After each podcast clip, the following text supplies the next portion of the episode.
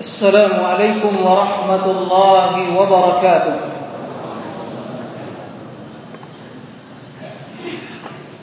إن الحمد لله نحمده ونستعينه ونستغفره ونعوذ بالله من شرور أنفسنا ومن سيئات أعمالنا. من يهده الله فلا مضل له ومن يضلل فلا هادي له. أشهد أن لا إله إلا الله وحده لا شريك له وأشهد أن محمدا عبده ورسوله صلى الله عليه وعلى آله وصحبه أجمعين ومن تبعهم بإحسان إلى يوم الدين. يا أيها الذين آمنوا اتقوا الله حق تقاته ولا تموتن إلا وأنتم مسلمون. يا أيها الناس اتقوا ربكم الذي خلقكم من نفس واحدة وخلق منها زوجها وبث منهما رجالا كثيرا ونساء.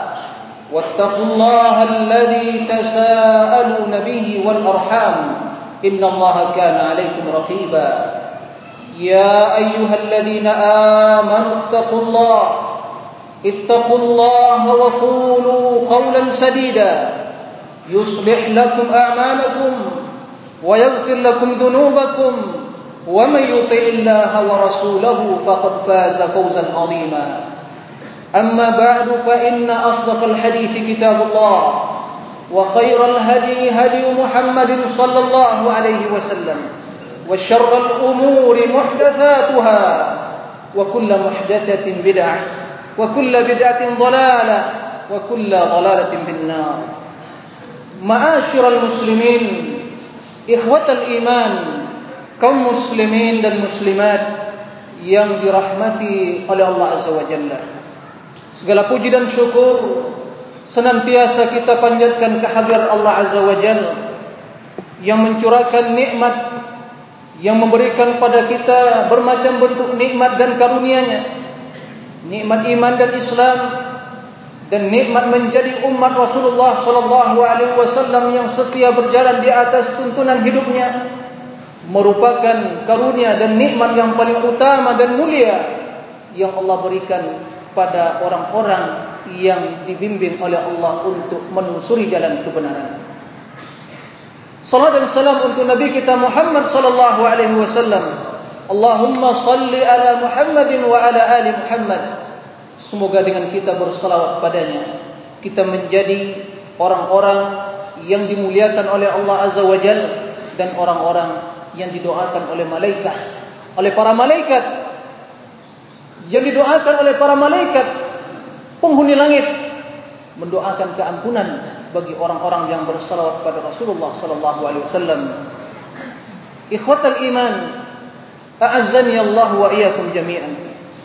Pada kesempatan yang mulia ini Di rumah Allah yang penuh berkah ini Di hadapan Wajah-wajah yang berseri Wajah-wajah Yang bercahaya dengan cahaya ilmu Dan sunnah Mudah-mudahan kita menjadi orang-orang Penghuni surga yang akan melihat wajah Allah Di akhirat kelak Sehingga wajah kita semakin ceria dan berseri-seri Amin ya Rabbal Alamin Pada kesempatan yang mulia ini Kita akan membahas suatu perkara, suatu pembahasan yang merupakan salah satu prinsip, merupakan salah satu perkara yang sangat prinsip dan urgen dalam akidah atau dalam agama Islam.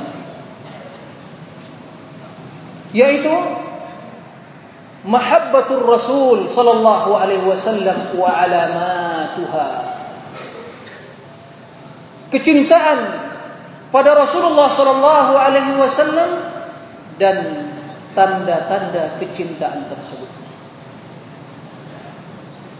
Semoga kita menjadi orang-orang yang mencintai Rasulullah sallallahu alaihi wasallam sehingga akan menjadi orang-orang yang duduk bersama beliau di surga kelak. Qala sallallahu alaihi wasallam Al-mar'u ma'a man ahad seseorang akan dikumpulkan di akhirat kelak bersama orang-orang yang dicintainya. Wa qala sallallahu alaihi wasallam fi ma rawahu Anas bin Malik radhiyallahu anhu. Ja'a rajulun ila an-nabiy sallallahu alaihi wasallam wa sa'alahu 'an as-sa'a fa qala mata as-sa'a? Fa Rasulullah sallallahu alaihi wasallam madza a'dadta laha? فقال ما أعددت من كثير من صلاة أو صدقة أو صيام ولكني أحب الله ورسوله فقال صلى الله عليه وسلم أنت ما آمن أحببت أنت ما آمن أحببت Salah seorang bertanya kepada Rasulullah sallallahu alaihi wasallam tentang yaumul kiamat, kapan terjadinya kiamat? Lantas Rasulullah sallallahu alaihi wasallam menjawab, apa yang telah Anda persiapkan untuk menghadapi yaumul kiamat? Lelaki tadi menjawab, saya tidak banyak mempersiapkan ya Rasulullah sallam, saya tidak banyak mempersiapkan seperti salat, zakat, puasa dan yang lain-lainnya, ibadah-ibadah yang lainnya. Akan tapi saya mencintai Allah dan Rasulnya. Maka kata Rasulullah sallallahu alaihi wasallam, maka kamu kelak akan bersama orang yang kamu cintai. Itu bersama Rasulullah SAW dan orang-orang yang dicintainya. Ma'asyiral muslimin, kaum muslimin yang dirahmati oleh Allah Azza wa Jalla. Mahabbatun Nabi sallallahu alaihi wasallam kecintaan kepada Rasulullah sallallahu alaihi wasallam merupakan prinsip dasar keimanan Tidaklah sempurna keimanan seseorang. Tidaklah sah keimanan seseorang jika ia tidak mencintai Rasulullah sallallahu alaihi wasallam dan tidak juga sempurna keimanan seseorang jika dia tidak mencintai Rasulullah sallallahu alaihi wasallam, tidak mencintai Allah dan Rasulnya melebihi dari segala sesuatu yang ada di dunia ini. Ia merupakan pertanda keimanan dan juga merupakan salah satu faktor yang akan menambah keimanan. Dan dengan kecintaan kepada Allah dan Rasulnya seorang akan sampai pada derajat keimanan yang sempurna sehingga ia berhak menjadi orang-orang yang dicintai Allah dan Rasulnya. Ikhwatal iman a'azzani Allah wa iyyakum jami'an. Oleh kerana itu di dalam Al-Quran Allah Subhanahu wa taala menjelaskan tentang prinsip dasar ini di mana Allah dan Rasulnya merupakan kewajiban bagi kita untuk mencintai Allah dan Rasulnya melebihi segala sesuatu yang ada di dunia ini.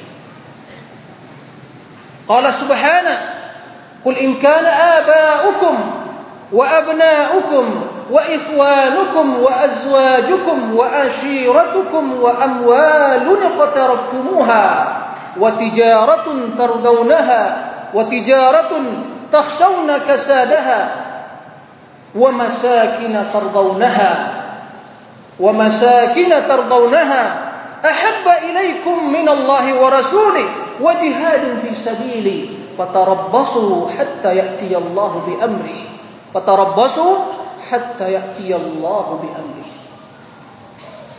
إن الله لا يهدي القوم الفاسقين Katakanlah wahai Muhammad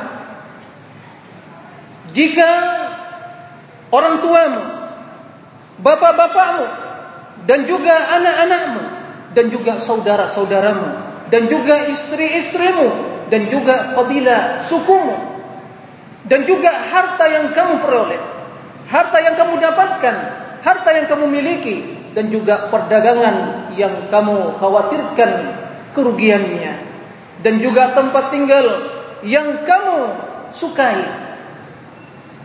Apakah kesemua itu akan kamu cintai? Akan lebih kamu cintai daripada Allah dan Rasulnya yang berjihad di jalan Allah? Jika halnya demikian, fatarabbasu. Tunggulah. Nantilah bahwasanya Allah Subhanahu wa taala akan memutuskan akan mendatangkan keputusannya ini merupakan wa'idun. Merupakan ancaman yang keras dari Allah Azza wa Jalla. Jika seseorang mencintai hartanya mencintai manusia di dunia ini mencintai harta perdagangannya mencintai tempat tinggalnya melebihi dari mencintai Allah dan Rasulnya maka Allah mengancam orang-orang yang seperti itu. Niscaya Allah akan mendatangkan keputusannya yang akan mengancam dan mengadab dan akan menghinakan orang-orang dan akan mencelakakan dan membinasakan orang-orang yang seperti itu. Inna Allah la yahdil qaumal fasiqin. Sungguhnya Allah tidak menunjuki orang-orang yang fasik. Orang-orang yang seperti itu dihukumi sebagai orang-orang yang sesat, orang-orang yang fasik oleh Allah Azza wa Jalla.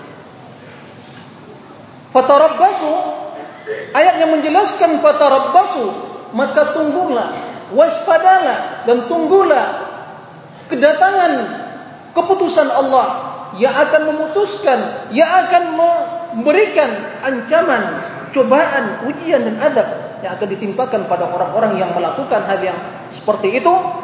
Ini menjelaskan kepada kita bahwasanya mencintai sesuatu selain Allah dan Rasulnya melebihi mencintai pada Allah dan Rasulnya maka ini merupakan perkara yang diharamkan dan menjelaskan bahwasanya mencintai Allah dan Rasulnya melebihi dari segala sesuatu yang dimiliki oleh seorang hamba adalah suatu yang wajib suatu yang wajib yang harus dilaksanakan oleh setiap individu muslim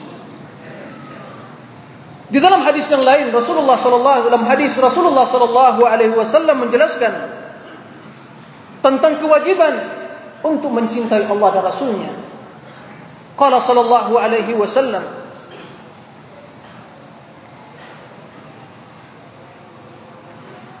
ثلاث من كنا فيه وجد بهن حلاوة الإيمان أن يكون الله ورسوله أحب إليه مما سواهما وأن يحب المرء لا يحبه إلا لله وأن يكره أن يعود إلى الكفر كما يكره an yuqdhafa fi nar. Kata Rasulullah sallallahu alaihi wasallam ada tiga perkara yang apabila dimiliki oleh seseorang apabila dilaksanakan oleh seseorang maka dia akan merasakan manisnya iman. Naam, keimanan ikhtal iman sangat manis. Kemanisannya itu akan dirasakan oleh orang-orang yang memiliki keimanan yang sempurna kepada Allah dan Rasulnya.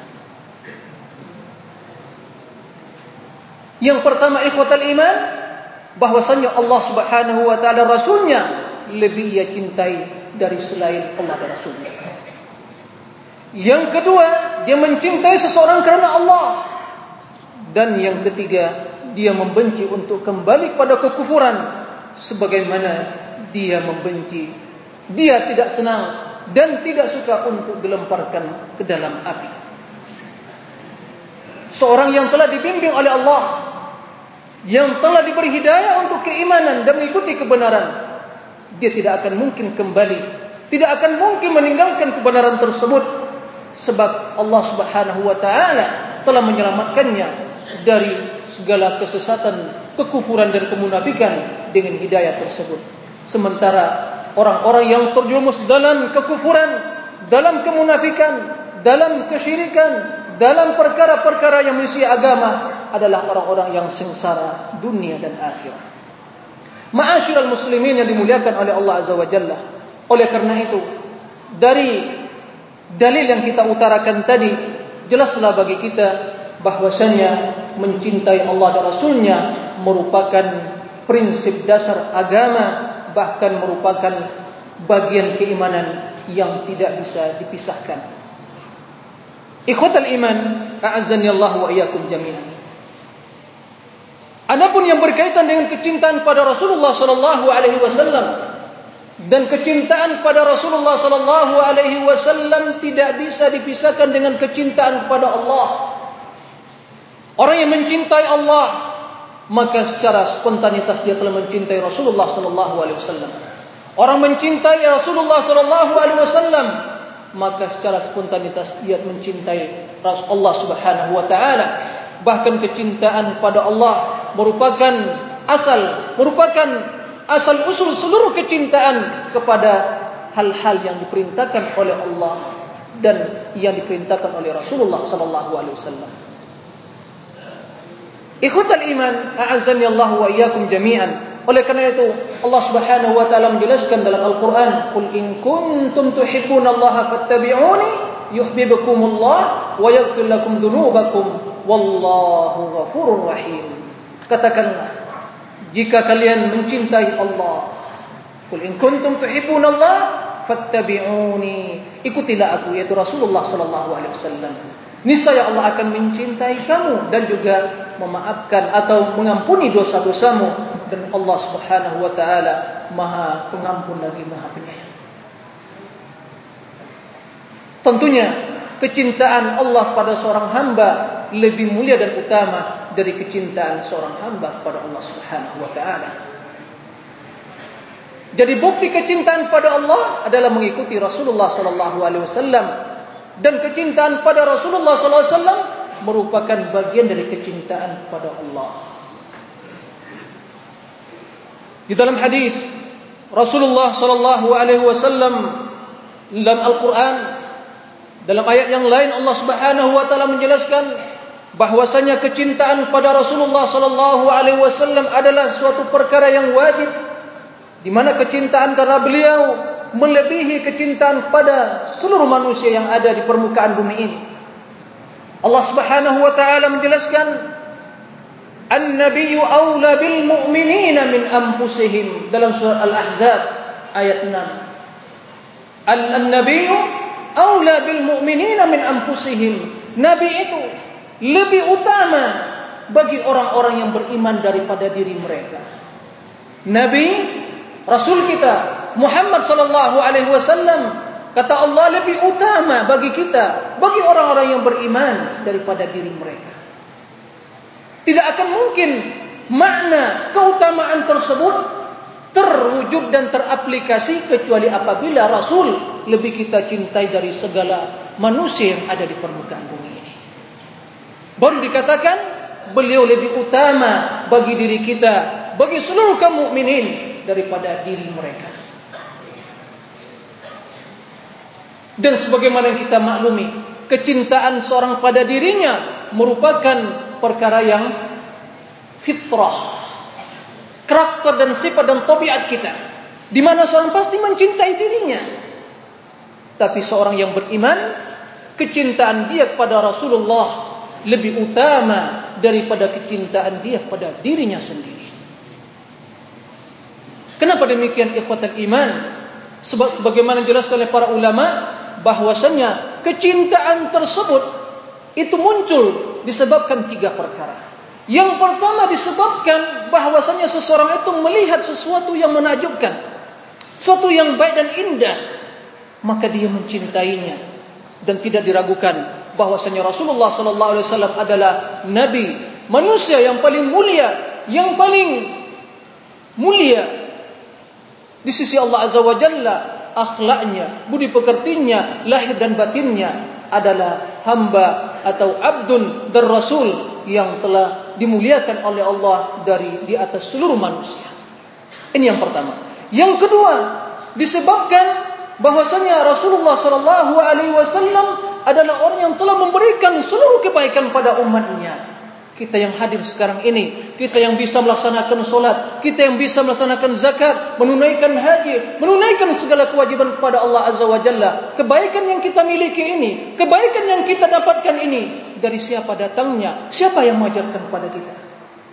Rasulullah sallallahu alaihi wasallam. Dan sebagaimana fitrah manusia, dia akan mencintai orang yang akan berbuat baik dan memberikan kebaikan kepadanya. Dan kebaikan yang diberikan oleh manusia pada yang lainnya dibanding dengan kebaikan yang diberikan oleh Rasulullah kepada umatnya tidak ada perbandingannya sama sekali. Tidak ada perbandingannya sama sekali. Sehingga dalam ayat jelaskan oleh Allah Subhanahu wa taala, laqad ja'akum rasulun min anfusikum azizun 'alaihi ma anittum harisun 'alaikum bil mu'minina raufur rahim. Dia lebih sayang lebih cinta kepada kita daripada orang tua kepada diri pada anaknya. Sungguh telah datang padamu Rasul seorang Rasul Min ampusikum Dari diri, dari keturunan yang kalian ketahui Dari diri kalian juga Yaitu keturunan yang kita ketahui Laqad ja'akum rasulun min ampusikum Azizun alaihi ma'anittum Merasa berat bagi diri Rasulullah sesuatu yang menyusahkan umat.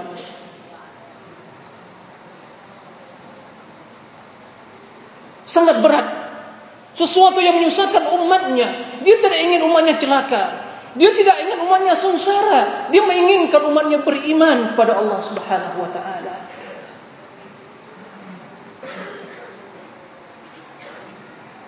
Harisun alaikum orang yang sangat menginginkan kebaikan bagi kalian. Harisun alaikum bil mu'minina raufur rahim dan dia orang yang sangat sayang kepada orang-orang yang beriman. Sehingga segala kebaikan yang akan mendekatkan diri kita kepada Allah, yang akan membawa kita pada ridha Allah, yang akan memasukkan kita dengan rahmat Allah pada surga, semua telah dijelaskan oleh Rasulullah sallallahu alaihi wasallam.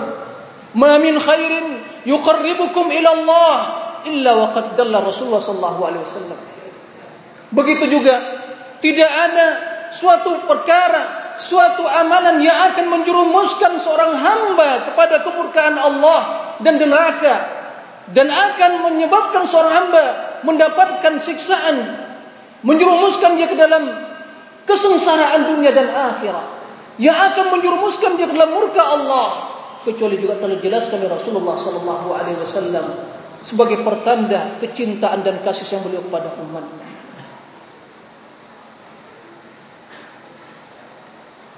Tapi bagaimana kita membalas kasih sayang Rasulullah sallallahu alaihi wasallam? Bagaimana kita membalas kebaikan beliau? Salah satu caranya adalah nuhibbuhu kita mencintai Rasulullah sallallahu alaihi wasallam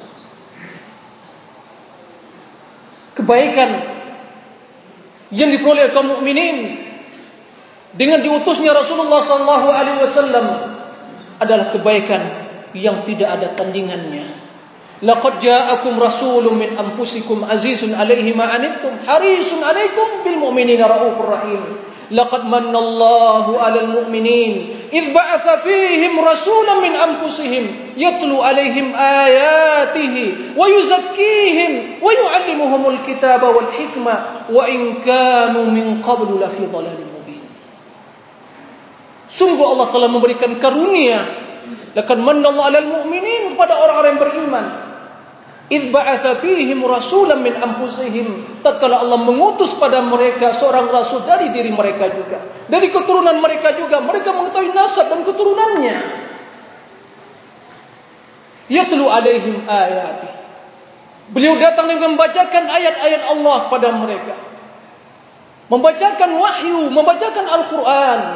Wa yu'allimuhumul kitab wal hikmah. Dan mengajarkan pada mereka Al-Kitab, Al-Quran, wahyu. Wa yu'allimuhumul kitaba wal hikmah dan sunnah. Yang merupakan kebutuhan setiap jiwa manusia terkhusus orang-orang beriman. Yuzakkihim dan mensucikan jiwa mereka dengan apa Rasulullah sallallahu alaihi wasallam mensucikan jiwa orang-orang beriman? Bil Qur'an wa sunnah. Dengan Quran dan sunnah. Yuzakkihim hikmah wa in kanu min qablu la fi dhalalin mubin kendati mereka sebelumnya orang-orang yang terjerumus ke dalam kesesatan yang sangat nyata. Naam, annas seluruh manusia sebelum diutus Rasulullah sallallahu alaihi wasallam fi jahiliyatin jahla. Dikutuk oleh Allah Subhanahu wa taala seluruhnya kecuali segelintir dari orang-orang yang diberi kitab oleh Allah Azza wa Jalla.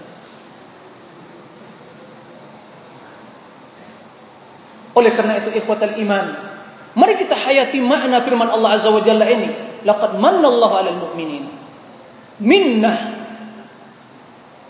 Pemberian karunia dan ini adalah min babit tadzkir Allah peringatkan kita. Allah ingatkan kita semua dengan nikmat yang sangat mulia tersebut agar kita memahami dan juga menghayati betapa besarnya nikmat dan karunia diutusnya Rasulullah sallallahu alaihi wasallam. Jika hanya demikian maka sudah sepantasnya bahkan sudah sewajibnya beliau kita lebih cintai dan lebih utama dari diri kita. Lebih utama bagi orang-orang yang beriman daripada diri mereka sendiri. Ikhwatal iman a'azzani Allah wa iyyakum jami'an. Di antara ayat yang menjelaskan tentang kewajiban mencintai Rasulullah sallallahu alaihi wasallam hadis yang diriwayatkan oleh Imam diriwayatkan oleh Abu Hurairah radhiyallahu an qala sallallahu alaihi wasallam faman ladhi nafsi bi yadi la yu'minu ahadukum hatta akuna ahabba ilaihi min walidihi wa waladihi. Rawahu al-bukhari tidaklah sempurna keimanan seseorang kamu sampai aku kata Rasulullah dia cintai melebihi dari kecintaan pada orang tuanya dan juga anaknya Kenapa disebutkan walidihi wa waladi? Karena kedua jenis manusia ini yaitu al-walid wa walad, orang tua dan anak merupakan orang yang paling cinta oleh manusia di dunia ini. Dan tidak akan sempurna keimanan kita kecuali Rasulullah sallallahu alaihi wasallam lebih kita cintai dari seluruh manusia yang ada di dunia ini. Dalam riwayat lain An Anas radhiyallahu anhu qala an-nabiy sallallahu alaihi wasallam la yu'minu ahadukum hatta akuna ahabba ilayhi min walidihi wa waladihi wan nasi ajma'in Rawal Bukhari Muslim. Tidaklah sempurna keimanan seseorang kamu sampai aku menjadi orang yang paling ia cintai melebihi kecintaannya pada orang tuanya, kepada anaknya dan seluruh manusia yang ada di dunia. Diriwayatkan oleh Imam Bukhari dan Muslim. Dalam hadis yang lain, hadis yang diriwayatkan oleh Al Imam Al Bukhari dengan sanadnya An Abdullah bin Hisham, qala kunna ma'an Nabi sallallahu alaihi wasallam وهو آخذ بيد عمر بن الخطاب رضي الله عنه فقال له عمر يا رسول الله يا رسول الله لأنت لأنت أحب إلي لأنت أحب إلي من كل شيء إلا نفسي. فقال رسول الله صلى الله عليه وسلم لا والذي نفسي والذي نفسي بيدي hatta akuna ahabba ilaika min nafsi faqala umar radhiyallahu anhu an sahabati ajma'in fa innahu al'an wallahi la anta ahabbu ilayya min kulli shay'in wa min nafsi faqala an-nabiy sallallahu alaihi wasallam al'ana ya umar Ya Rasulullah SAW kata Abdullah bin Hisham menceritakan kepada kita tatkala kami bersama Rasulullah sallallahu alaihi wasallam dan Rasulullah sallallahu alaihi wasallam memegang tangan Umar bin Khattab. Begitu sayangnya Rasul pada Umar bin Khattab dipegang tangannya. Orang yang kedua di dalam Islam setelah Abu Bakar As-Siddiq radhiyallahu anhu.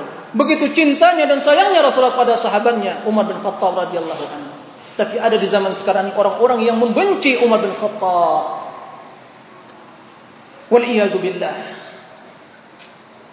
Rasulullah memegang tangannya. Kemudian Umar dalam kesempatan yang seperti itu mengutarakan isi hatinya. Ya Rasulullah, sesungguhnya engkau lebih aku cintai daripada segala sesuatu kecuali diri saya. Ini yang kita jelaskan tadi. Fitrah manusia dia mencintai dirinya. Dia memahami ini fitrah, kecintaan yang fitrah. Tapi ternyata sampai kecintaan yang merupakan fitrah manusia pada dirinya tidak boleh melebihi kecintaan pada Rasulullah sallallahu alaihi wasallam. Sehingga kata Rasulullah sallam, "La ya Umar." Sampai aku, sampai diriku, kata Rasulullah sallam, lebih engkau cintai daripada dirimu sendiri. Tatkala itu Umar sadar kemudian mengatakan al-ana ya Rasulullah fa innahu wallahi wallahi la anta ahabbu ilayya min nafsi. Ya Rasulullah demi Allah sekarang ini engkau lebih aku cintai daripada diriku. Al-ana ya Umar sekarang kamu baru tahu ya Umar dan kamu mengucapkan sesuatu yang wajib kamu ucapkan yaitu engkau ya Rasulullah lebih aku cintai daripada segala sesuatu dan daripada diriku Ikhwatal iman a'azzani Allah wa iyyakum jami'an. Ini di antara dalil yang menjelaskan kepada kita tentang kewajiban mencintai Rasulullah sallallahu alaihi wasallam. Akan tapi timbul pertanyaan ikhwatal iman. Apakah kecintaan kepada Rasulullah sallallahu alaihi wasallam hanya sekedar ucapan di lisan? Apakah kecintaan pada Rasulullah sallallahu alaihi wasallam hanya sekedar sebuah kebanggaan yang saban tahun diperingati? Apakah kecintaan pada Rasulullah sallallahu alaihi wasallam hanya slogan-slogan yang ditebarkan. Apakah kecintaan pada Rasulullah sallallahu alaihi wasallam hanya sekadar menyebut-nyebut namanya saja? Tapi tidak terlihat dalam aplikasi kehidupan yang menjelaskan tentang ketulusan kecintaan tersebut dan kesucian hati dalam mencintai Nabi. La ikhwatul iman kecintaan membutuhkan bukti membutuhkan dalil agar orang-orang yang memiliki kecintaan tersebut dihukumi sebagai orang-orang yang jujur dan tulus dalam kecintaannya jika tidak demikian maka ia termasuk orang-orang yang berbohong dalam ucapannya maka apa saja yang menjadi pertanda kecintaan kita pada Rasulullah sallallahu alaihi wasallam yang kecintaannya harus melebihi segala kecintaan kepada manusia yang ada di permukaan bumi ini. Sekurangnya ada lima perkara secara global tentang tanda-tanda kecintaan pada Rasulullah sallallahu alaihi wasallam. Dan ini kita jadikan sebagai standar untuk mengukur sejauh mana kecintaan kita kepada Rasulullah sallallahu alaihi wasallam.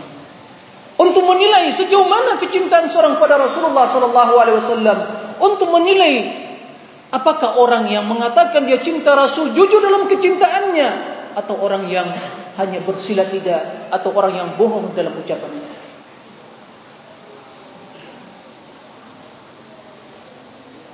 Karena suatu dakwah, pendakwaan jika tidak ada bukti maka orang-orang yang mendakwakan adalah orang-orang pembohong. Fa inna ad-da'wa illam takun 'alaiha bayyina fa inna ashabuha ad'iya. Suatu pendakwaan tidak ada bukti yang nyata yang menjelaskan akan kebenaran dakwah tersebut, maka para pelakunya adalah orang-orang yang hanya pandai mendakwakan dan orang-orang yang pembohong. Ikhwatal iman, a'azzani Allah wa iyyakum jami'an. Tanda yang pertama, Orang-orang yang mencintai Rasulullah sallallahu alaihi wasallam adalah mentaati Rasulullah sallallahu alaihi wasallam dan mengikuti sunnah Rasulullah sallallahu alaihi wasallam. Ini pertanda yang pertama. Orang-orang yang mencintai Rasulullah yang tulus dalam kecintaannya dari hati yang suci adalah orang-orang yang mentaati Rasulullah sallallahu alaihi wasallam dan mengikuti sunnahnya. Qala subhanahu Qul in kuntum tuhibbuna Allah fattabi'uni yuhibbukum Allah Allah wa yaghfir lakum dhunubakum wallahu ghafurur rahim Katakanlah wahai Muhammad kepada orang-orang yang mendakwakan kami mencintai Allah katakan kepada mereka Buktikan kecintaan mereka tersebut. Apakah mereka orang-orang yang jujur atau mereka pembohong? Qal in kuntum tuhibbun Allah. Jika kalian benar-benar mencintai Allah, fattabi'uni. Ikutilah aku yaitu Rasulullah sallallahu alaihi wasallam. Jika hal itu kalian lakukan, niscaya Allah akan mencintai kalian. Dan juga mengampuni dosa-dosa kalian.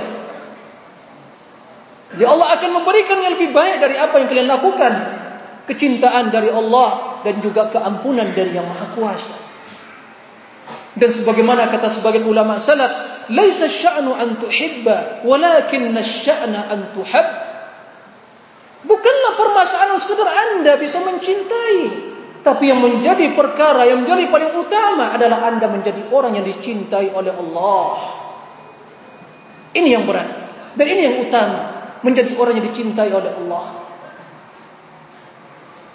Makanya kata Al-Imam Ibn Kathir rahimahullah dalam menafsirkan ayat tersebut, hadhil ayah hakimatun ala kulli man idda'a mahabbat ar-rasul sallallahu alaihi mahabbat Allah wa laysa ala at-tariqati al-muhammadiyyah bi annahu kadhibun fi da'wa fi nafsi al-amr hatta yattabi' asy-syar' an-nabawi syar' al-muhammadi wa ad-din an-nabawi fi jami' aqwalihi wa af'alihi kama thabata fi sahih an Rasulillah sallallahu alaihi wasallam man amila amalan laysa alaihi amruna fa raddun Ayat ini kata Imam Ibnu Katsir salah seorang ulama Syafi'iyah mengatakan sebagai pembeda pemisah yang menentukan tentang kebenaran dakwah orang-orang yang mengatakan kami mencintai Allah. Sementara ia tidak mengikuti tariqah jalannya Nabi Muhammad maka orang yang seperti itu sallallahu alaihi wasallam maka orang yang seperti itu adalah orang yang kadhib fi dakwah orang yang bohong dalam pendakwaannya bohong dalam perkataannya. Sampai dia mengikuti syariat yang dibawa oleh Muhammad dan juga mengikuti agama yang dibawa oleh Nabi wasallam. Dalam segala perkataannya dan dalam segala amalannya sebagaimana yang telah sahih dari Rasulullah sallallahu alaihi wasallam barang siapa yang melakukan suatu amalan yang tidak ada landasannya dari perintah kami maka amalannya ditolak oleh Allah Subhanahu wa taala. Ini mizan ini timbangan ini standar untuk mengukur kebenaran kecintaan seseorang jika dia mengatakan saya mencintai Rasulullah sallallahu alaihi wasallam lihat perkataannya, lihat perbuatannya, telahkah sesuai dengan sunnah Rasulullah sallallahu alaihi wasallam? Telahkah sesuai dengan syariat yang dibawa oleh Rasulullah sallallahu alaihi wasallam? Telahkah mengikuti jalan yang telah diwariskan oleh Rasulullah sallallahu alaihi wasallam? Jika jawabannya na'am, itulah hakikat kejujuran dalam kecintaan tadi. Akan tapi jika jawabannya sebaliknya, menyelisihi, bertentangan, maka yakinlah mereka adalah para pembohong yang pandai bersilat lidah. mengikuti sunnah Rasulullah sallallahu alaihi wasallam. Oleh karena itu kita mendapatkan dalam Al-Qur'an ayat yang sangat banyak sekali dan dalam hadis-hadis Rasulullah sallallahu alaihi wasallam nasihat dan perintah yang menjelaskan tentang kewajiban mencintai mengikuti sunnah Rasulullah sallallahu alaihi wasallam. Di antara ayat yang menjelaskan sebagaimana yang sering kita baca dan kita hafal yaitu firman Allah azza wa jalla laqad kana lakum fi Rasulillah uswatun hasanah liman kana yarjullah wal yawmal akhir wa dzakarallaha katsira. Sungguh telah ada pada diri Rasulullah sallallahu alaihi wasallam siru tauladan yang terbaik bagimu wahai orang-orang yang beriman, bagi orang-orang yang menginginkan Allah. Bagi orang-orang yang menginginkan darul akhirah, dan bagi orang-orang yang banyak berzikir yaitu ibadat pada Allah Azza wa Jalla tiada lain jalan yang akan atau tiada lain jalan yang harus tempuh untuk mengaplikasikan ke seluruh keinginan yang baik tersebut. Kecuali dia mengikuti sunnah dan jalan yang telah dijelaskan oleh Rasulullah sallallahu alaihi wasallam. Wa qala ta'ala wa ma atakumur rasul fakhudhu wa ma nahakum anhu fantahu apa yang bawa apa yang datang dari rasul apa yang dibawa oleh rasul. Fakhudhu ambillah terimalah amalkanlah. Sekalipun bertentangan dengan hawa nafsumu sekalipun bertentangan dengan masyarakatmu sekalipun bertentangan dengan tradisimu sekalipun bertentangan dengan doktrin yang ditanamkan oleh buyamu tuan gurumu kiaimu dan seterusnya. Khudhu ambil apa yang dibawa oleh Rasulullah sallallahu alaihi wasallam. Fa innahu haq min Allah tabaraka wa taala. Karena itu kebenaran yang datang dari Allah wa manahakum anhu fantahu dan apa yang dicegah, apa yang dilarang oleh Rasulullah tinggalkan sekalipun itu diinginkan oleh hawa nafsu. Hada hakikatul iman, ini hakikat keimanan pada Rasulullah sallallahu alaihi wasallam.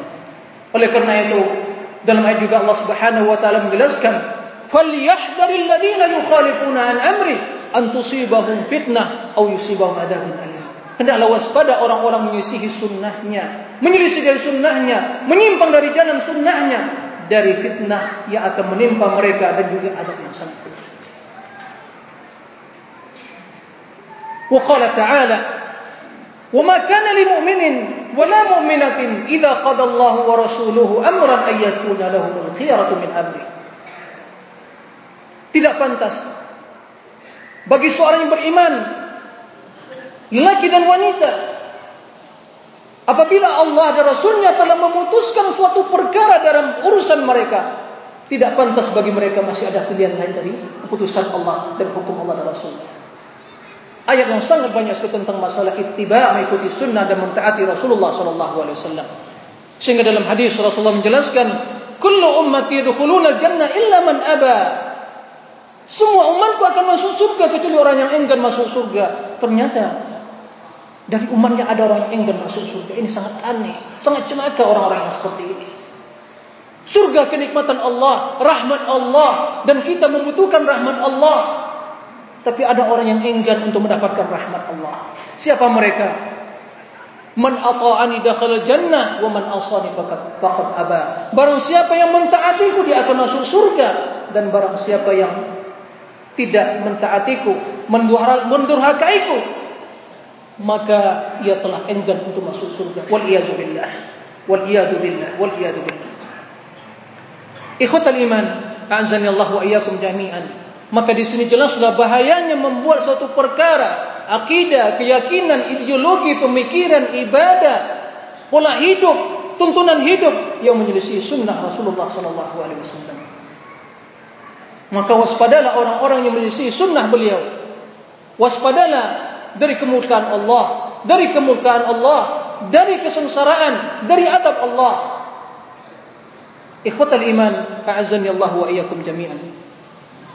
Yang kedua, pertanda kecintaan kepada Rasulullah sallallahu alaihi wasallam. Ta'zimun Nabi sallallahu alaihi wasallam wa tawqiruhu wal adabu ma'ahu yaitu mengagungkan Rasulullah sallallahu alaihi wasallam dan memuliakannya dan untuk beradab bersama Rasulullah sallallahu alaihi wasallam. Mempunyai orang yang mempunyai adab.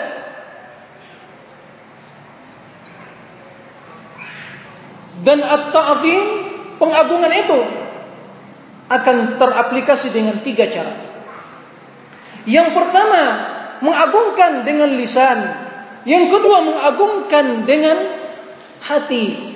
Dan yang ketiga mengagungkan dengan jawarih, mengagungkan dengan hati dengan meyakini bahwasanya Rasulullah sallallahu alaihi wasallam adalah utusan Allah, abdun la yu'bad wa rasulun la yu'sa. Walakin yuqa. Seorang hamba pilihan Allah yang tidak wajib diibadati, yang tidak boleh diibadati, tapi seorang rasul yang wajib ditaati membenarkan seluruh berita yang datang Rasulullah SAW. Ini i'tiqad dengan hati. Kita yakini. Yang kedua dengan lisan, dengan memuji Rasulullah SAW dengan sifat dan pujian-pujian yang disyariatkan oleh Allah dan Rasulnya. Dan yang ketiga dengan melaksanakan perintahnya, dengan meninggalkan larangannya, melaksanakan ibadah, ketaatan kepada Allah sesuai dengan tuntunan dan bimbingan beliau Maka intinya kesimpulan dari ta'zimur rasul dan asasnya pondasinya adalah tasdiquhu fi ma akhbar. Membenarkan berita wahyu yang datang dari Rasulullah sallallahu alaihi wasallam. Wajtinabu ma naha anhu wa zajar wa imtithalu ma amar. Mengikuti, melaksanakan apa yang diperintahkannya. Yang kedua, meninggalkan apa yang dilarang dan dicegahnya dan yang keempat adalah mengibadati Allah sesuai dengan syariat yang dibawa oleh Rasulullah sallallahu alaihi wasallam. Inilah orang yang mentakzim, yang mengagungkan Rasulullah sallallahu alaihi wasallam. Allah Subhanahu wa taala telah menjelaskan di dalam Al-Qur'an tentang kewajiban untuk mengagungkan, memuliakan Rasulullah sallallahu alaihi wasallam. Qala subhanahu, "Inna arsalnaka syahidan wa mubasysyiran wa nadhira." litu'minu billah litu'minu billahi wa rasuli wa tu'azziruhu wa tuwaqqiruhu wa tusabbihuhu bukratan wa asila sesungguhnya kami telah mengutusmu wahai Muhammad syahidan sebagai saksi wa mubasyiran dan yang membawa kabar gembira bagi orang-orang yang mentaati Allah mengembirakan mereka membawa kabar yang mengembirakan mereka yaitu mereka akan masuk surga dan dimuliakan oleh Allah. Ini kabar gembira di bawah Rasulullah SAW. Wa nadhira dan memberi peringatan bagi orang-orang mendurhaki Allah dan Rasulnya bahwasanya balasan, balasan mereka adab yang sangat pedih dan neraka. Wal iyazu billah. Ditu'minu billah agar mereka, agar anda, agar kamu semuanya beriman kepada Allah dan beriman kepada Rasulnya dan agar kalian memperjuangkan Rasul dan memuliakannya, mengagungkannya dan agar kalian bertasbih kepada Allah di pagi hari dan di sore hari. Tasbih itu pada Allah.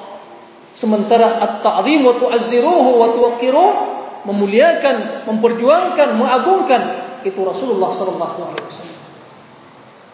Wa qala subhanahu falladheena amanu bihi وعزروه ونصروه واتبعوا النور الذي أنزل معه أولئك هم المفلحون orang-orang yang beriman bihi itu dengan Allah dan dengan Rasulnya. Walladzina amanu bihi beriman dengan Rasul sallallahu alaihi wasallam.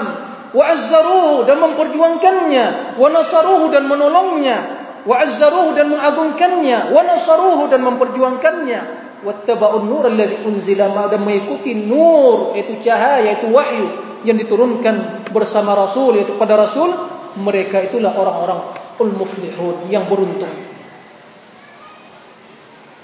jadi wajib kita memuliakan Rasulullah SAW dengan hati kita, dengan lisan kita dan dengan jawarih anggota tubuh kita. Dan wajib kita untuk beradab bersama Rasulullah SAW, mempunyai adab yang mulia bersama hadis dan sunnah-sunnahnya. Oleh karena itu, jangan kita mencoba-coba untuk mengedepankan suatu pendapat perkataan, ideologi, pemikiran, mengedepankannya dari sunnah Rasulullah SAW. Orang-orang yang mengedepankan selain dari sunnah, selain dari ajaran Islam mengedepankannya dari sunnah Rasulullah SAW orang yang tidak beradab bersama Rasulullah SAW dan orang-orang yang mengangkat suatu perkataan melebihi dari sunnahnya adalah orang yang tidak beradab bersama Rasulullah SAW dan orang yang tidak tenang dan diam tatkala mendengar hadis Rasulullah SAW adalah orang yang tidak beradab bersama Rasulullah SAW. Mari kita cermati firman Allah Azza wa Jalla dalam surah Al-Hujurat yang mendidik jiwa para sahabat untuk beradab bersama Rasulullah wasallam. Pelajaran bagi kita bahwasanya kita dalam hidup ini dalam mengkaji sunnah dalam mempelajari sunnah dalam menerima sunnah dalam mengamalkannya mengaplikasikan dalam kehidupan kita wajib mempunyai adab yang mulia bersama Rasulullah dan juga perkataannya. A'udzubillahi minasyaitonir rajim. Ya ayyuhalladzina amanu la tuqaddimu baina yadayillahi wa rasulih wattaqullaha innallaha samii'un 'aliim يا الذين آمنوا لا ترفعوا أصواتكم فوق صوت النبي ولا تجهروا له بالقول كجهر بعضكم لبعض أن تحبط أعمالكم وأنتم لا تشعرون Wahai orang-orang yang beriman Jangan kamu mendepankan suatu apapun dari perkataan Allah Dari Allah dan Rasulnya Dari Al-Quran dan Sunnah Wahai orang-orang yang beriman Jangan kamu mengangkat suaramu. Jangan kamu mengeraskan suaramu lebih tinggi, lebih keras dari suara Rasulullah sallallahu alaihi wasallam. La tarfa'u aswatakum fawqa sawtin nabi wa la tajharu lahu bil qawli ka jahri ba'dikum li ba'd. Jangan kamu juga memanggil, menyeru Rasulullah SAW seperti kalian memanggil sebagian kalian atas sebagian yang lainnya, memanggil yang lain dengan menyebut namanya ya Muhammad akan tapi sebelah ya Nabi Allah, ya Rasulullah. Begitu Allah mendidik para sahabat bagaimana beradab dalam lisan, dalam panggilan, dalam sikap dan perilaku. Sebab yang demikian itu akan menghancurkan, akan mensirnakan amalan kalian sementara kalian tidak menyadari. Para ulama menjelaskan, jika tidak boleh kita mengangkat suara kita melebihi dari suara Rasulullah, maka jelas tentunya kita tidak boleh mengangkat suatu ideologi, pemikiran, pemahaman, madhab, pendapat, siapapun orangnya, pendapat imam, pendapat tuan guru, pendapat kiai, pendapat siapapun orangnya, tidak boleh kita angkat melebihi dari perkataan dan hadis Rasulullah wasallam. Bahkan bagaimana Rasulullah wasallam para sahabat dan at-tabi'un beradab bersama sunnah Rasulullah wasallam. Al-imam seorang tabi'in yaitu Muhammad bin Munkadir seorang tabi'in yang telah bersua dengan para sahabat lebih kurang 70 orang dari sahabat telah bersua bertemu dengan para sahabat. Tatkala beliau ditanya tentang suatu hadis baka hatta yarhamu jalisun ditanya tentang hadis Rasulullah sallallahu alaihi wasallam sampai beliau menangis. Sehingga orang yang hadir murid-muridnya yang hadir di majlisnya sampai apa?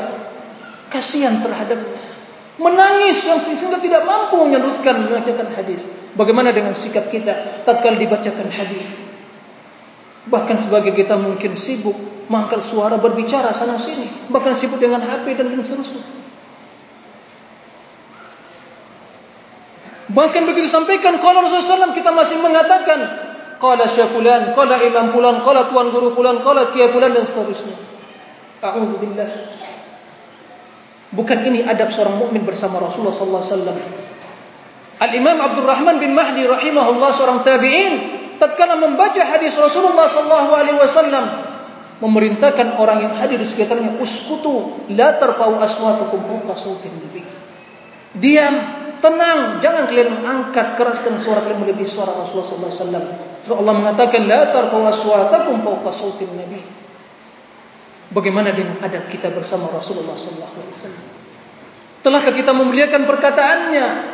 Ikhwatal iman, semoga kita menjadi orang yang beradab bersama Rasul dan para sahabatnya dan juga sunnah-sunnah Rasulullah wasallam.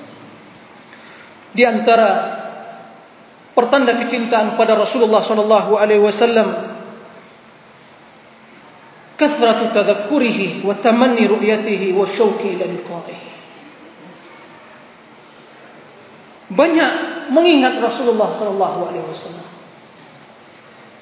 Dan menginginkan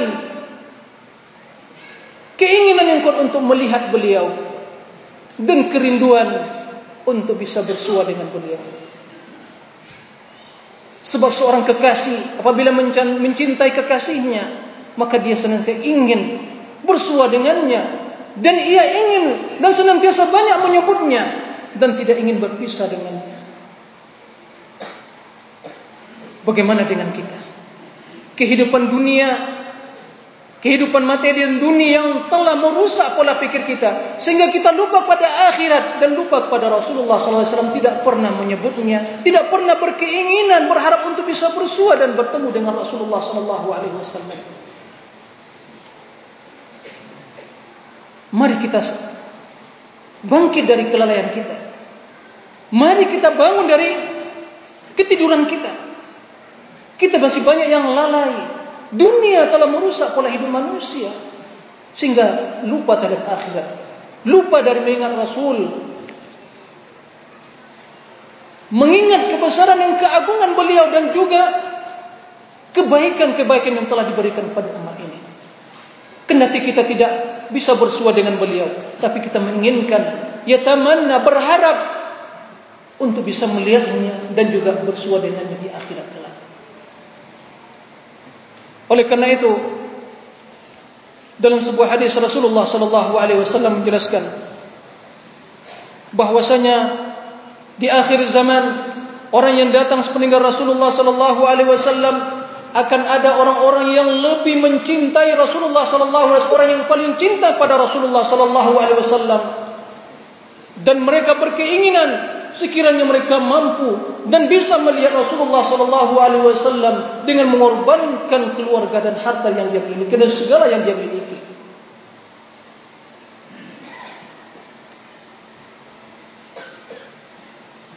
Sehingga dalam hadis Rasulullah sallallahu alaihi wasallam menjelaskan an Abi Hurairah radhiyallahu an an Nabi sallallahu alaihi wasallam qala min ashaddi ummati li hubba nasun yakunu yakununa ba'di yawaddu ahaduhum law ra'ani bi ahlihi wa mali ruh muslim. Sesungguhnya umatku yang paling cinta kepadaku ini kata Rasulullah sallallahu alaihi wasallam. Sesungguhnya umatku yang paling cinta kepadaku kata Rasulullah sallallahu alaihi wasallam adalah orang-orang yang datang sepeninggalku Salah seorang dari mereka menginginkan sekiranya mereka bisa melihatku dengan harta dan juga keluarga dan anak yang mereka miliki. Apa maksudnya ikhwatul iman? Kendati kita tidak bisa melihat Rasulullah sallallahu alaihi wasallam dan itu keutamaan yang Allah berikan kepada sahabat Rasulullah sallallahu alaihi wasallam. Kendati itu tidak bisa kita nikmati, tapi kita berkeinginan mengharapkan Mudah-mudahan kita bisa bersua dengan Rasulullah sallallahu alaihi wasallam. Sekiranya beliau kita lihat, kita akan mengorbankan segala yang kita miliki demi memperjuangkan agamanya, memperjuangkan beliau, menghormatinya, mengagungkannya dan memperjuangkan syariat dan agama yang diperjuangkan oleh beliau. Ini orang yang paling cinta pada Rasulullah sallallahu alaihi wasallam. Pernahkah kita berkeinginan menginginkan hal itu? Silakan kita introspeksi diri kita masing-masing. Sebagaimana kita maklumi, man ahabba syai'an akthara min dzikri. Seorang mencintai sesuatu dia akan banyak menyebutnya. Oleh karena itu, tatkala kabilah Al-Asy'ariyun datang ke negeri Yaman kepada Rasulullah sallallahu alaihi wasallam dalam perjalanan mereka yang telah mendekati kota Madinah, mereka mengucapkan untayan-untayan syair mereka yang menghibur diri mereka Gadan nalqal ahibbah Muhammadan wa sahbah Besok kita akan bersua dengan para kekasih kita. Muhammad dan para sahabatnya Tatkala Bilal Terdatang sakaratul maut Istrinya mengatakan Ya wailah Sungguh celakaku. Tatkala mendengar hal itu Bilal bin Rabah mengatakan wa farha ghadan nalqal ahibba muhammadan wa sahbah. Alangkah bahagianya adaku kata beliau. Besok aku akan bersua dengan para kekasihku Muhammad dan para sahabatnya. Bahkan salah seorang tabi'in rahimahullah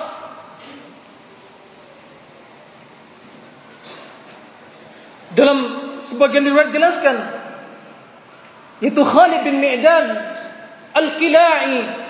Lihat bagaimana mereka membuktikan kecintaan pada Rasulullah SAW orang-orang yang mengikuti Rasulullah SAW sebagai perbandingan bagi kita. Pernahkah kita menginginkan hal itu? Atau masih keinginan pada dunia yang masih mewarnai dan mendominasi hidup kita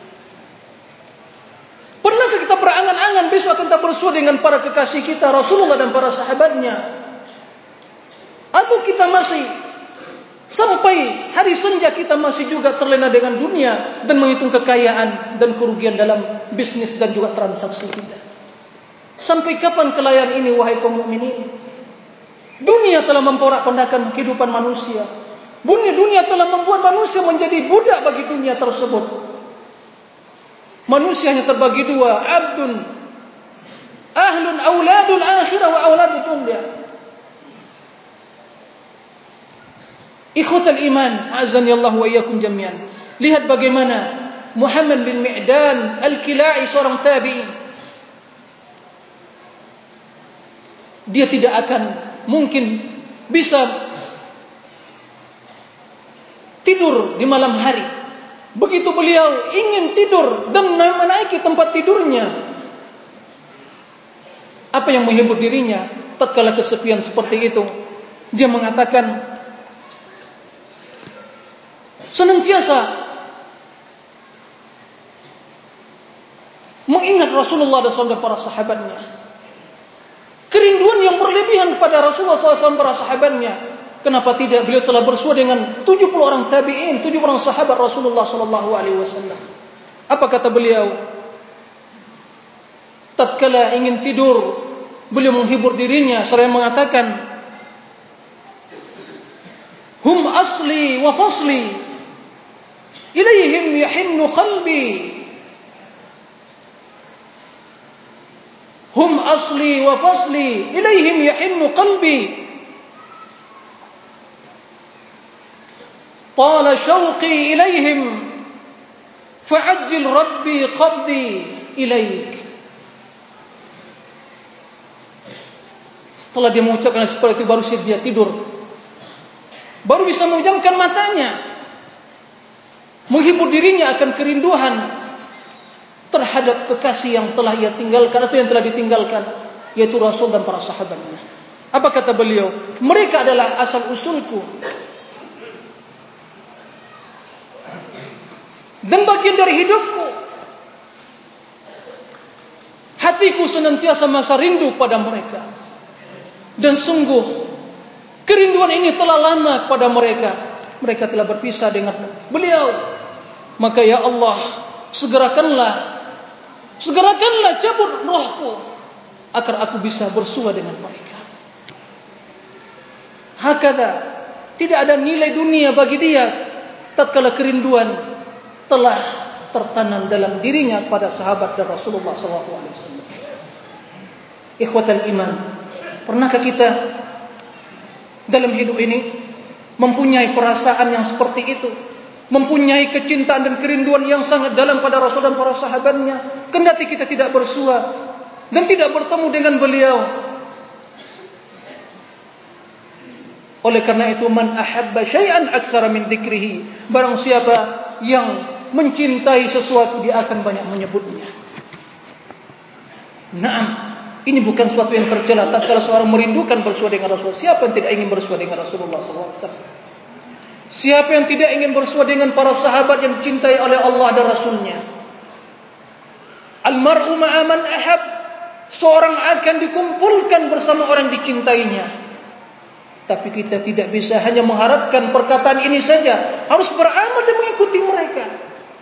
Seorang mengatakan seorang akan dikumpulkan bersama orang cintainya. Tapi dia tidak mengikuti jalannya. Tidak meladani beliau. Tidak meladani para sahabat. Tidak ada arti dari apa yang kita ucapkan saya akan dikumpulkan bersama orang yang saya cintai butuh amalan butuh perjuangan butuh pengorbanan mengorbankan perasaan mengorbankan segala apa yang bisa kita korbankan untuk mewujudkan kerinduan dan kecintaan tersebut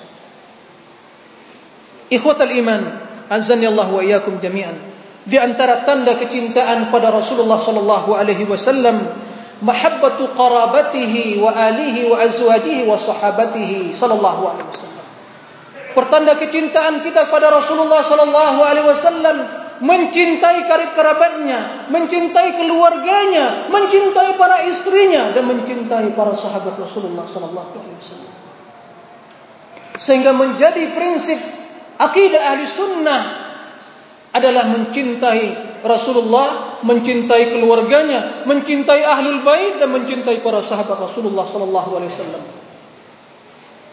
Barang siapa yang menghina salah seorang dari istri Rasul, barang siapa yang tidak memuliakan kerabat Nabi sallallahu alaihi wasallam, barang siapa yang tidak memuliakan ahlul bait dan barang siapa yang tidak memuliakan para sahabat, maka ia bukanlah orang yang mencintai Rasul. Tapi perlu kita meluruskan pemahaman yang salah dalam memahami prinsip dasar ini. Dalam hadis Rasulullah sallallahu alaihi wasallam menjelaskan tentang kewajiban kita untuk memuliakan keluarga beliau ahlul bait. Siapa itu ahlul bait? Apakah hanya keturunan Ali bin Abi Thalib? Tidak. Dalam hadis Rasulullah sallallahu alaihi wasallam tatkala diceritakan oleh Zaid bin Arqam radhiyallahu anhu an sahabati ajma'in qala Rasulullah sallallahu alaihi wasallam yawman fina khatiban bima'in yud'a khumman baina Makkah wal Madinah. Fahamidallahu wa athna alaihi wa wa'a wa wa'adha wa dhakkara. Thumma qala amma ba'd. Ala ayyuhan يوشك أن يأتي رسول ربي فأجيب. وأنا تارك فيكم ثقلين أولهما كتاب الله. فيه الهدى والنور فخذوا بكتاب الله واستمسكوا به. فحث على كتاب الله ورغب فيه ثم قال وأهل بيتي وأذكركم الله أهل بيتي. أذكركم الله أهل بيتي بأهل بيتي. أذكركم الله في أهل بيتي. فقال له حسين يتصر راوي حديث بركته قد زيد بن أرخم من هم أهل بيته يا زيد أليس نساؤه من أهل بيته قال نساؤه من أهل بيته ولكن أهل بيته من حرم الصدقة بعده قال ومن هم qala alu ali wa alu aqil wa alu ja'far wa alu abbas qala kullu haula hurima as-sadaqata ba'dah qala na'am rawahu muslim kata zaid bin arqam radhiyallahu anhu pada suatu hari Rasulullah sallallahu alaihi wasallam berdiri di hadapan kami sebagai khatib. Di suatu tempat sumur yang dikenal dengan nama Humman antara Mekah wal Madinah. Ini sepulang dari melaksanakan haji. Lalu Rasulullah memuji dan memuji Allah Azza wa Jalla memberikan peringatan dan juga menasihati para sahabat. Kemudian dia berkata amma ba'du. Selanjutnya wahai manusia sesungguhnya saya adalah manusia. Hampir saja utusan Rabb akan datang menemuiku yaitu malaikat yang mencabut roh beliau. Faujib dan aku memperkenankan panggilannya menerima panggilannya. Ini sebagai isyarat bahwasanya beliau telah hampir meninggalkan para sahabatnya. Hampir saja akan datang rasul dari Allah Subhanahu wa itu malaikat yang mencabut rohnya. Wa ana tarikum fikum thaqalain aku tinggalkan kalian dua perkara yang pertama kitabullah di dalamnya terdapat petunjuk dan cahaya. Maka ikutilah berpegang teguhlah pada Al-Qur'an.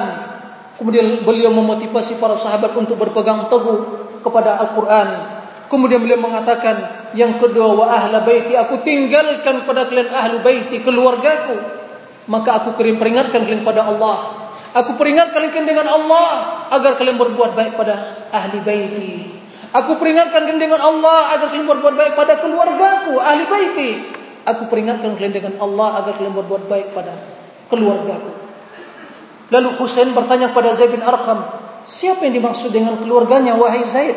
Bukankah Bukankah istri-istrinya termasuk keluarganya? Zaid mengatakan, "Nam, istrinya telah termasuk ke dalam keluarganya, tapi yang dimaksud dengan ahlu baitihi, orang yang diharamkan baginya untuk menerima sedekah sepeninggal Rasulullah SAW.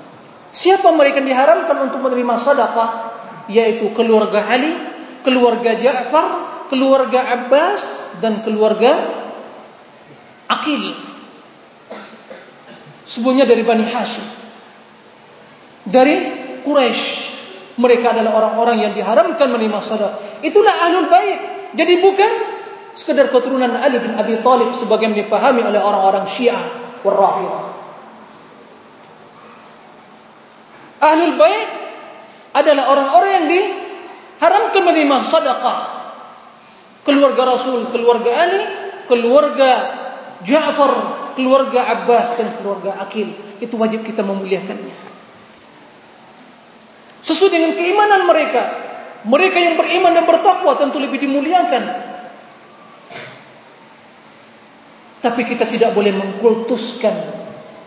Tidak boleh kita mengkultuskan. Mengkultuskan tidak boleh kecuali hanya pada Rasulullah.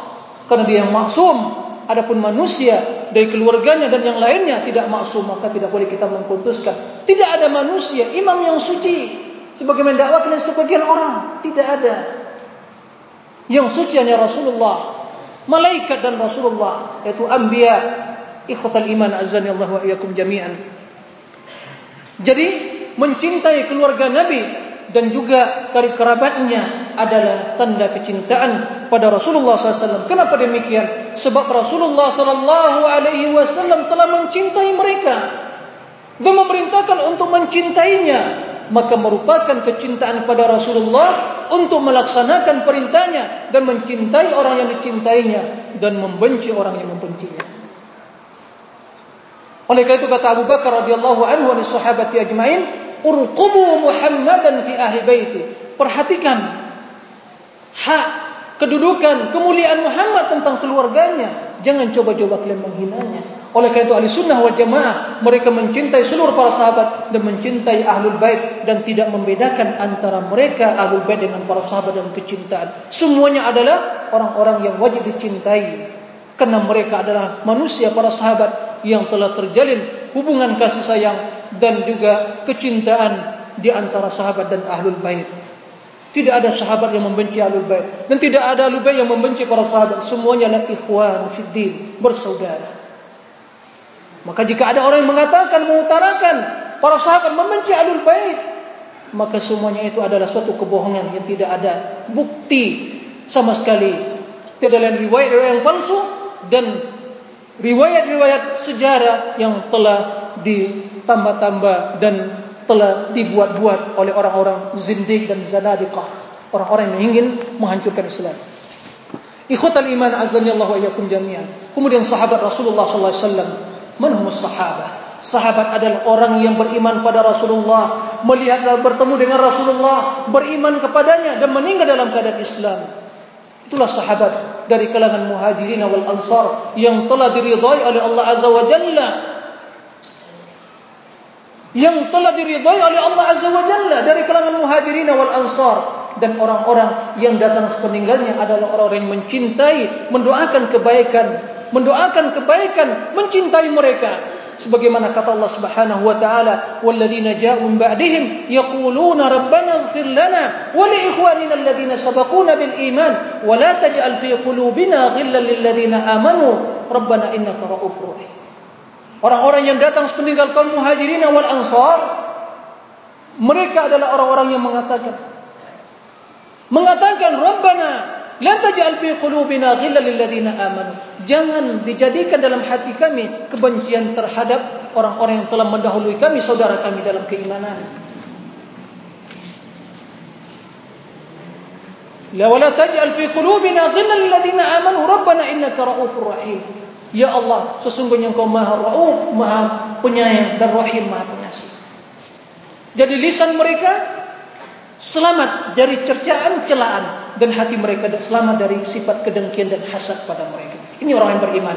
Adapun orang-orang yang lisannya mencela, mengkafirkan, menghina dan orang-orang yang hatinya dipenuhi dengan kebencian, hasad pada para sahabat, ini bukan pertanda orang-orang yang beriman manusia hanya terbagi tiga, manusia terbagi tiga. Yang pertama muhajirin, pernahkah kita yang hadir dan yang mendengar pernah menjadi muhajirin? Tidak pernah. Pernahkah kita menjadi ansar? Tidak pernah. Kita hanya menjadi orang yang ketiga. Alladzina ja'u min ba'dihim yaquluna rabbana ighfir lana wa li ikhwanina alladzina sabaquna bil iman. Orang-orang yang mengatakan ampunilah kami ya Allah dan orang-orang yang telah mendahului kami dan jangan jadikan di hati kami kebencian pada mereka. Jadilah orang yang ketiga. Dan jangan jadi orang yang keempat yang tidak ada tertera dalam Al-Quran. Itu orang yang mencela, mengkafirkan, menghina dan seterusnya. Dan itulah agama Syiah dan Rafidah. Qatalahumullah. Ikhwatal iman, azani Allah wa iyyakum jami'an. Maka jika kita mendapatkan dalam mengarungi kehidupan ini Slogan-slogan yang dikatakan cinta alul bait tapi mereka membenci para sahabat, menghina para sahabat, maka yakinlah itu suatu kebatilan yang wajib kita ingkari dan kita tinggalkan dan jangan tertipu dengan air mata buaya. Tangisan yang mereka air mata yang mereka keluarkan menangisi, meratapi akan terpenuhi sebagian alul bait itu hanyalah air mata buaya. Air mata kebohongan. Bukan begitu kita mencinta ahlul bait, mencinta ahlul bait mengikuti mereka dalam kebaikan mencintai sahabat, mencintai seluruh ahlul bait, yaitu keluarga Ali, keluarga Ja'far, keluarga Abbas dan keluarga Aqil radhiyallahu anhum wa anis sahabati ajma'in. Dalam hadis Rasulullah sallallahu alaihi wasallam, "La tasubbu ashabi walau anna ahadakum anfaqa mithla Uhudin dhahaba, ma balagha mudda ahadin wala nasifa." Jangan coba-coba mencela sahabatku. Sekiranya salah seorang kamu menginfakkan, menafkahkan, mensedekahkan sebesar bukit Uhud emas, mengampurkan emas, menafkahkan emas sebesar bukit Uhud, belum akan sampai pada menyamai timbangan satu mud atau separuh. Ya, ini satu mud. Jangankan satu mud, separuhnya saya tidak akan sampai. Bayangkan kedudukan para sahabat Rasulullah SAW. Oleh karena itu, orang-orang yang mencela sahabat Rasulullah wasallam kata al-Imam Abu Zur'a Ar-Razi qala idza ra'aita ahadan yasubbu ashhad ahadan min ashabin nabi wasallam fattahimhu ala al-islam fa innana na'lamu bi anna al-qur'ana haqqun wa sunnah an-nabiy haqqun wa ma balagha ilayna al-qur'an wa sunnah illa an tariqi ahula'i as-sahaba fa innahum yuriduna an yarshad an yashtumu an yajrahu shuhudana liyubtilu al-kitab wa sunnah fa inna fa in fa in al-jarh bihim awla wa hum zanadiqah orang zindik yang mencela orang yang mencela para sahabat itu orang zindik Karena ia ingin mencela Al-Quran dan Sunnah. Ingin mencela Rasulullah. Tapi mereka tidak berani mencela Rasulullah. Kenapa? Secara terang-terangan. Tapi pada hakikatnya mereka mencela Rasulullah SAW. Mereka mencela para sahabat. Yang mereka inginkan. Ingin membatalkan Al-Quran dan Sunnah. Sebab Al-Quran dan Sunnah hak. Nabi adalah benar. Nabi adalah seorang pilihan Allah. Nabi yang benar. Semua yang keluar dari perkataannya adalah wahyu. Tidak ada kebohongan. Tidak ada kebatilan. Semuanya kebenaran. Mereka ingin menjarah, mencela, mencerca orang-orang yang menjadi wasit perantara antara kita dengan Rasul dalam menerima ahlu dan agama tersebut. Jika para sahabat semuanya kafir, berarti kita ini mengikuti agama siapa? Agama orang-orang kafir? Kita mengikuti agama Rasulullah yang telah meninggalkan sahabatnya dalam keadaan beriman. Tidak seorang pun para sahabat yang kafir. Semuanya mereka ahlu al-jannah.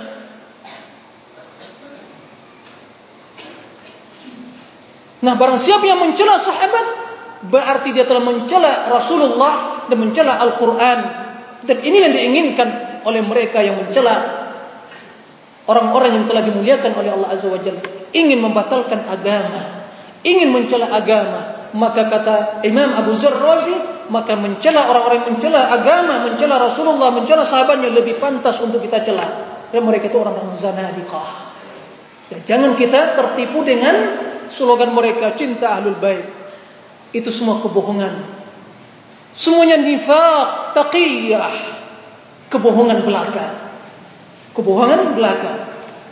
Ikhwatal iman, azan ya Allah wa iyyakum jami'an. Oleh kerana itu Abdullah bin Mas'ud radhiyallahu anhu sahabat Nabi mengatakan, bahwasanya hati manusia yang terbaik dan tersuci setelah hati Rasulullah itu adalah hati sahabatnya. Qala radhiyallahu anhu, إن الله نظر في قلوب العباد فوجد أن خير قلوب العباد قلب محمد فاصطفاه لرسالته وابتعثه لنبو فاصطفاه فاصطفاه لنفسه وابتعثه لحمل رسالته. ثم نظر في قلوب العباد بعد قلب محمد فوجد قل قلوب أصحابه خير قلوب العباد فاختاره لصحبته فجعلهم وزراء نبيه يقاتلون على دينه فما رآه المسلمون حسنا فهو عند الله حسن وما رآه المسلمون سيئا فهو عند سيئا فهو عند الله سيئا Sungguhnya Allah melihat hati manusia, hati hambanya dan mendapatkan hati Muhammad sallallahu alaihi wasallam hati yang paling suci dan mulia. Maka Allah pilih dia sebagai nabinya dan untuk mengemban amanah risalah. Kemudian Allah melihat hati setelah hati Muhammad sallallahu alaihi wasallam mendapatkan hati para sahabat hati yang paling terbaik dan suci. Kemudian Rasulullah memilih mereka sebagai sahabat Rasulullah sebagai penolongnya. Mereka berjuang di atas agamanya, memperjuangkannya maka apa yang dilihat oleh mereka suatu kebaikan maka itulah suatu kebaikan di sisi Allah dan apa yang dilihat oleh mereka suatu kejahatan berarti itu kejahatan kenapa sebab mereka telah membimbing mereka mereka mengatakan melakukan berbuat meyakini suatu yang diridhai oleh Allah dan Rasulnya ikhwatal iman azani Allah wa iyyakum jami'an jadi ini pemisah antara ahli sunnah dengan orang-orang yang membenci agama yaitu apakah mereka mencintai para sahabat dan ahlul bait atau mencela para sahabat wal ahlul bait. Semua kita menjadi orang yang mencintai para sahabat Rasulullah dan juga ahlu baitin Nabi sallallahu alaihi wasallam dan seluruh para istri atau istri Nabi sallallahu alaihi wasallam. Terakhir, tapi ini bukan yang terakhir, adalah di antara pertanda kecintaan pada Rasulullah sallallahu alaihi wasallam adalah mencintai sunnahnya dan mencintai orang-orang yang menyeru dan berpegang teguh pada sunnahnya. Orang-orang yang menyeru pada sunnahnya yang memperjuangkan sunnahnya, yang menebarkan kebaikan, mengajak umat untuk kembali pada Al-Quran dan Sunnah, mengajar umat untuk pada akidah yang sahihah, mengajar umat pada akhlak yang mulia, bermuamalah yang baik sesuai dengan Sunnah Rasulullah SAW dalam seluruh aspek kehidupan. Itulah ahli Sunnah wal Jamaah. Itulah orang yang ingin mengembalikan umat kepada ajaran Allah dan Rasulnya. Maka wajib kita mencintainya. Mereka awliya Allah mereka para wali Allah, mereka orang dicintai oleh Allah, mereka pejuang agama. Yang dalam hal ini dalam barisan terdepan adalah para ulama dari kalangan sahabat, tabi'in, tabi' tabi'in dan ulama-ulama ahli sunnah dari dahulu sampai akhir zaman yang setia berjalan di atas sunnahnya. Itu wajib kita cintai. Dan orang-orang mengikuti sunnah wajib kita cintai. Sebab merupakan prinsip dasar akidah ahli sunnah al-wala' wal-bara' mencintai dan membenci karena Allah maka orang-orang yang beriman mengikuti kebenaran berjalan di atas sunnah adalah orang-orang yang wajib kita cintai. Ialah saudara kita. Tidak boleh kita menyakitinya. Jika dia bersalah dinasihati apalagi kalau berusaha untuk membunuh memprovokatori dan membuat propaganda untuk mencelakakan mereka ini bukanlah pertanda kecintaan pada Rasulullah sallallahu alaihi wasallam. Mereka adalah penyambung lisan Rasulullah sallallahu alaihi wasallam menebarkan sunnah, menebarkan kebaikan, menebarkan pola hidup Rasulullah, mengajak umat untuk kembali pada ajaran Rasulullah sallallahu alaihi wasallam dalam berakidah, dalam beribadah, dalam berakhlak, dalam bermuamalah dan dalam segala aspek kehidupan. Itulah ahli sunnah. Semua kita menjadi mereka orang-orang yang mencintai atau orang-orang mencintai sunnah dan mencintai ahli sunnah dan berpegang teguh di atas jalan Rasulullah sallallahu alaihi wasallam. Oleh kerana itu ikhwatul iman Mari kita saling Sayang menyayangi kerana Allah. Mari kita saling mencintai kerana Allah. Mari kita bahu-membahu dalam menebarkan kebaikan. Mari kita saling menasihati Dalam menjalani hidup ini. Mari kita saling bahu-membahu Dalam memikul amanah dakwah yang mulia ini. Mari kita saling Membantu saudara kita dalam mengatasi segala problem hidup. Mari kita saling menjalin persatuan, saling menghormati, saling memuliakan, saling memberikan kebaikan pada saudara kita dan pertanda orang-orang yang beriman adalah an yuhibba li akhihi ma yuhibbu li nafsi. Mencintai sesuatu untuk dirinya, untuk saudaranya sebagaimana mencintai hal itu untuk dirinya. Tatkala kita tidak ingin dizalimi berarti saudara kita tidak juga ingin dizalimi. Jadikan standar dalam bermuamalah dan dalam mencintai manusia mereka terbagi pada golongan pada bermacam tingkatan. Mereka yang dicintai secara mutlak yaitu para anbiya wassalihin dan mereka dicintai juga para sahabat Rasulullah SAW dan juga orang-orang yang beriman sesuai dengan kadar keimanan mereka dalam menjalani hidup ini. Maka wajib mencintai ahli tauhid wajib mencintai ahli iman wajib mencintai ahli taqwa. Karena mereka orang yang beriman adalah merupakan wali bagi sebagian yang lain. Al-mu'minuna wal mu'minat ba'duhum awliya'u ba'd ya'muruna bil ma'ruf wa yanhauna 'anil munkar. Orang-orang yang beriman dari kalangan wanita, laki dan wanita, mereka adalah wali, penolong bagi sebagian yang lainnya. Mereka memerintahkan kepada kebaikan dan mencegah dari kemungkaran. Ikhwatal iman, a'azzani Allahu iyyakum jami'an. Itulah di antara Berapa poin yang merupakan pertanda kecintaan kepada Rasulullah sallallahu alaihi wasallam? Yang kesimpulannya yang pertama kita wajib mentaati Rasulullah SAW mengikuti sunnahnya dan meninggalkan segala perkara kepada yang bid'ah dalam agama ini. Yang kedua kita wajib mengagungkan Rasulullah wasallam dan memuliakannya. Mengagungkannya dengan hati dengan lisan dengan anggota tubuh. Kemudian kita wajib atau senantiasa menginginkan mengingat Rasulullah SAW, menginginkan, berharap bisa bersua dengan beliau dan juga kerinduan yang sangat dalam-dalam hati kita kepada Rasulullah SAW. Kemudian di antaranya adalah kita senantiasa memuliakan para sahabat memuliakan ahlul bait, memuliakan orang-orang yang, yang telah dicintai oleh Allah dan Rasulnya, kemudian kita mencintai sunnahnya, mencintai orang-orang yang berbangga pada sunnah, mencintai orang yang menyuruh pada sunnah, dan mencintai ahlus sunnah, dan tidak membenci mereka, dan konsekuensinya adalah tolong menolong, saling memberikan nasihat, saling mencintai, bahu membahu, dan saling melengkapi kekurangan satu dan yang lainnya. Mudah-mudahan kita menjadi orang-orang yang berkasih sayang kerana Allah dan orang-orang yang mencintai Rasulullah SAW dengan kecintaan yang murni sejati. Kecintaan yang tulus dari hati yang suci. Kecintaan yang murni dari hati yang suci. Yaitu kecintaan yang akan bermanfaat bagi kita di dunia dan akhirah. Ikhwatal iman azanillahu iyyakum jami'an. Demikian. Wallahu alam wa sallallahu wa sallam ala nabiyyina Muhammadin wa ala alihi wa sahbihi wa sallim. Nah.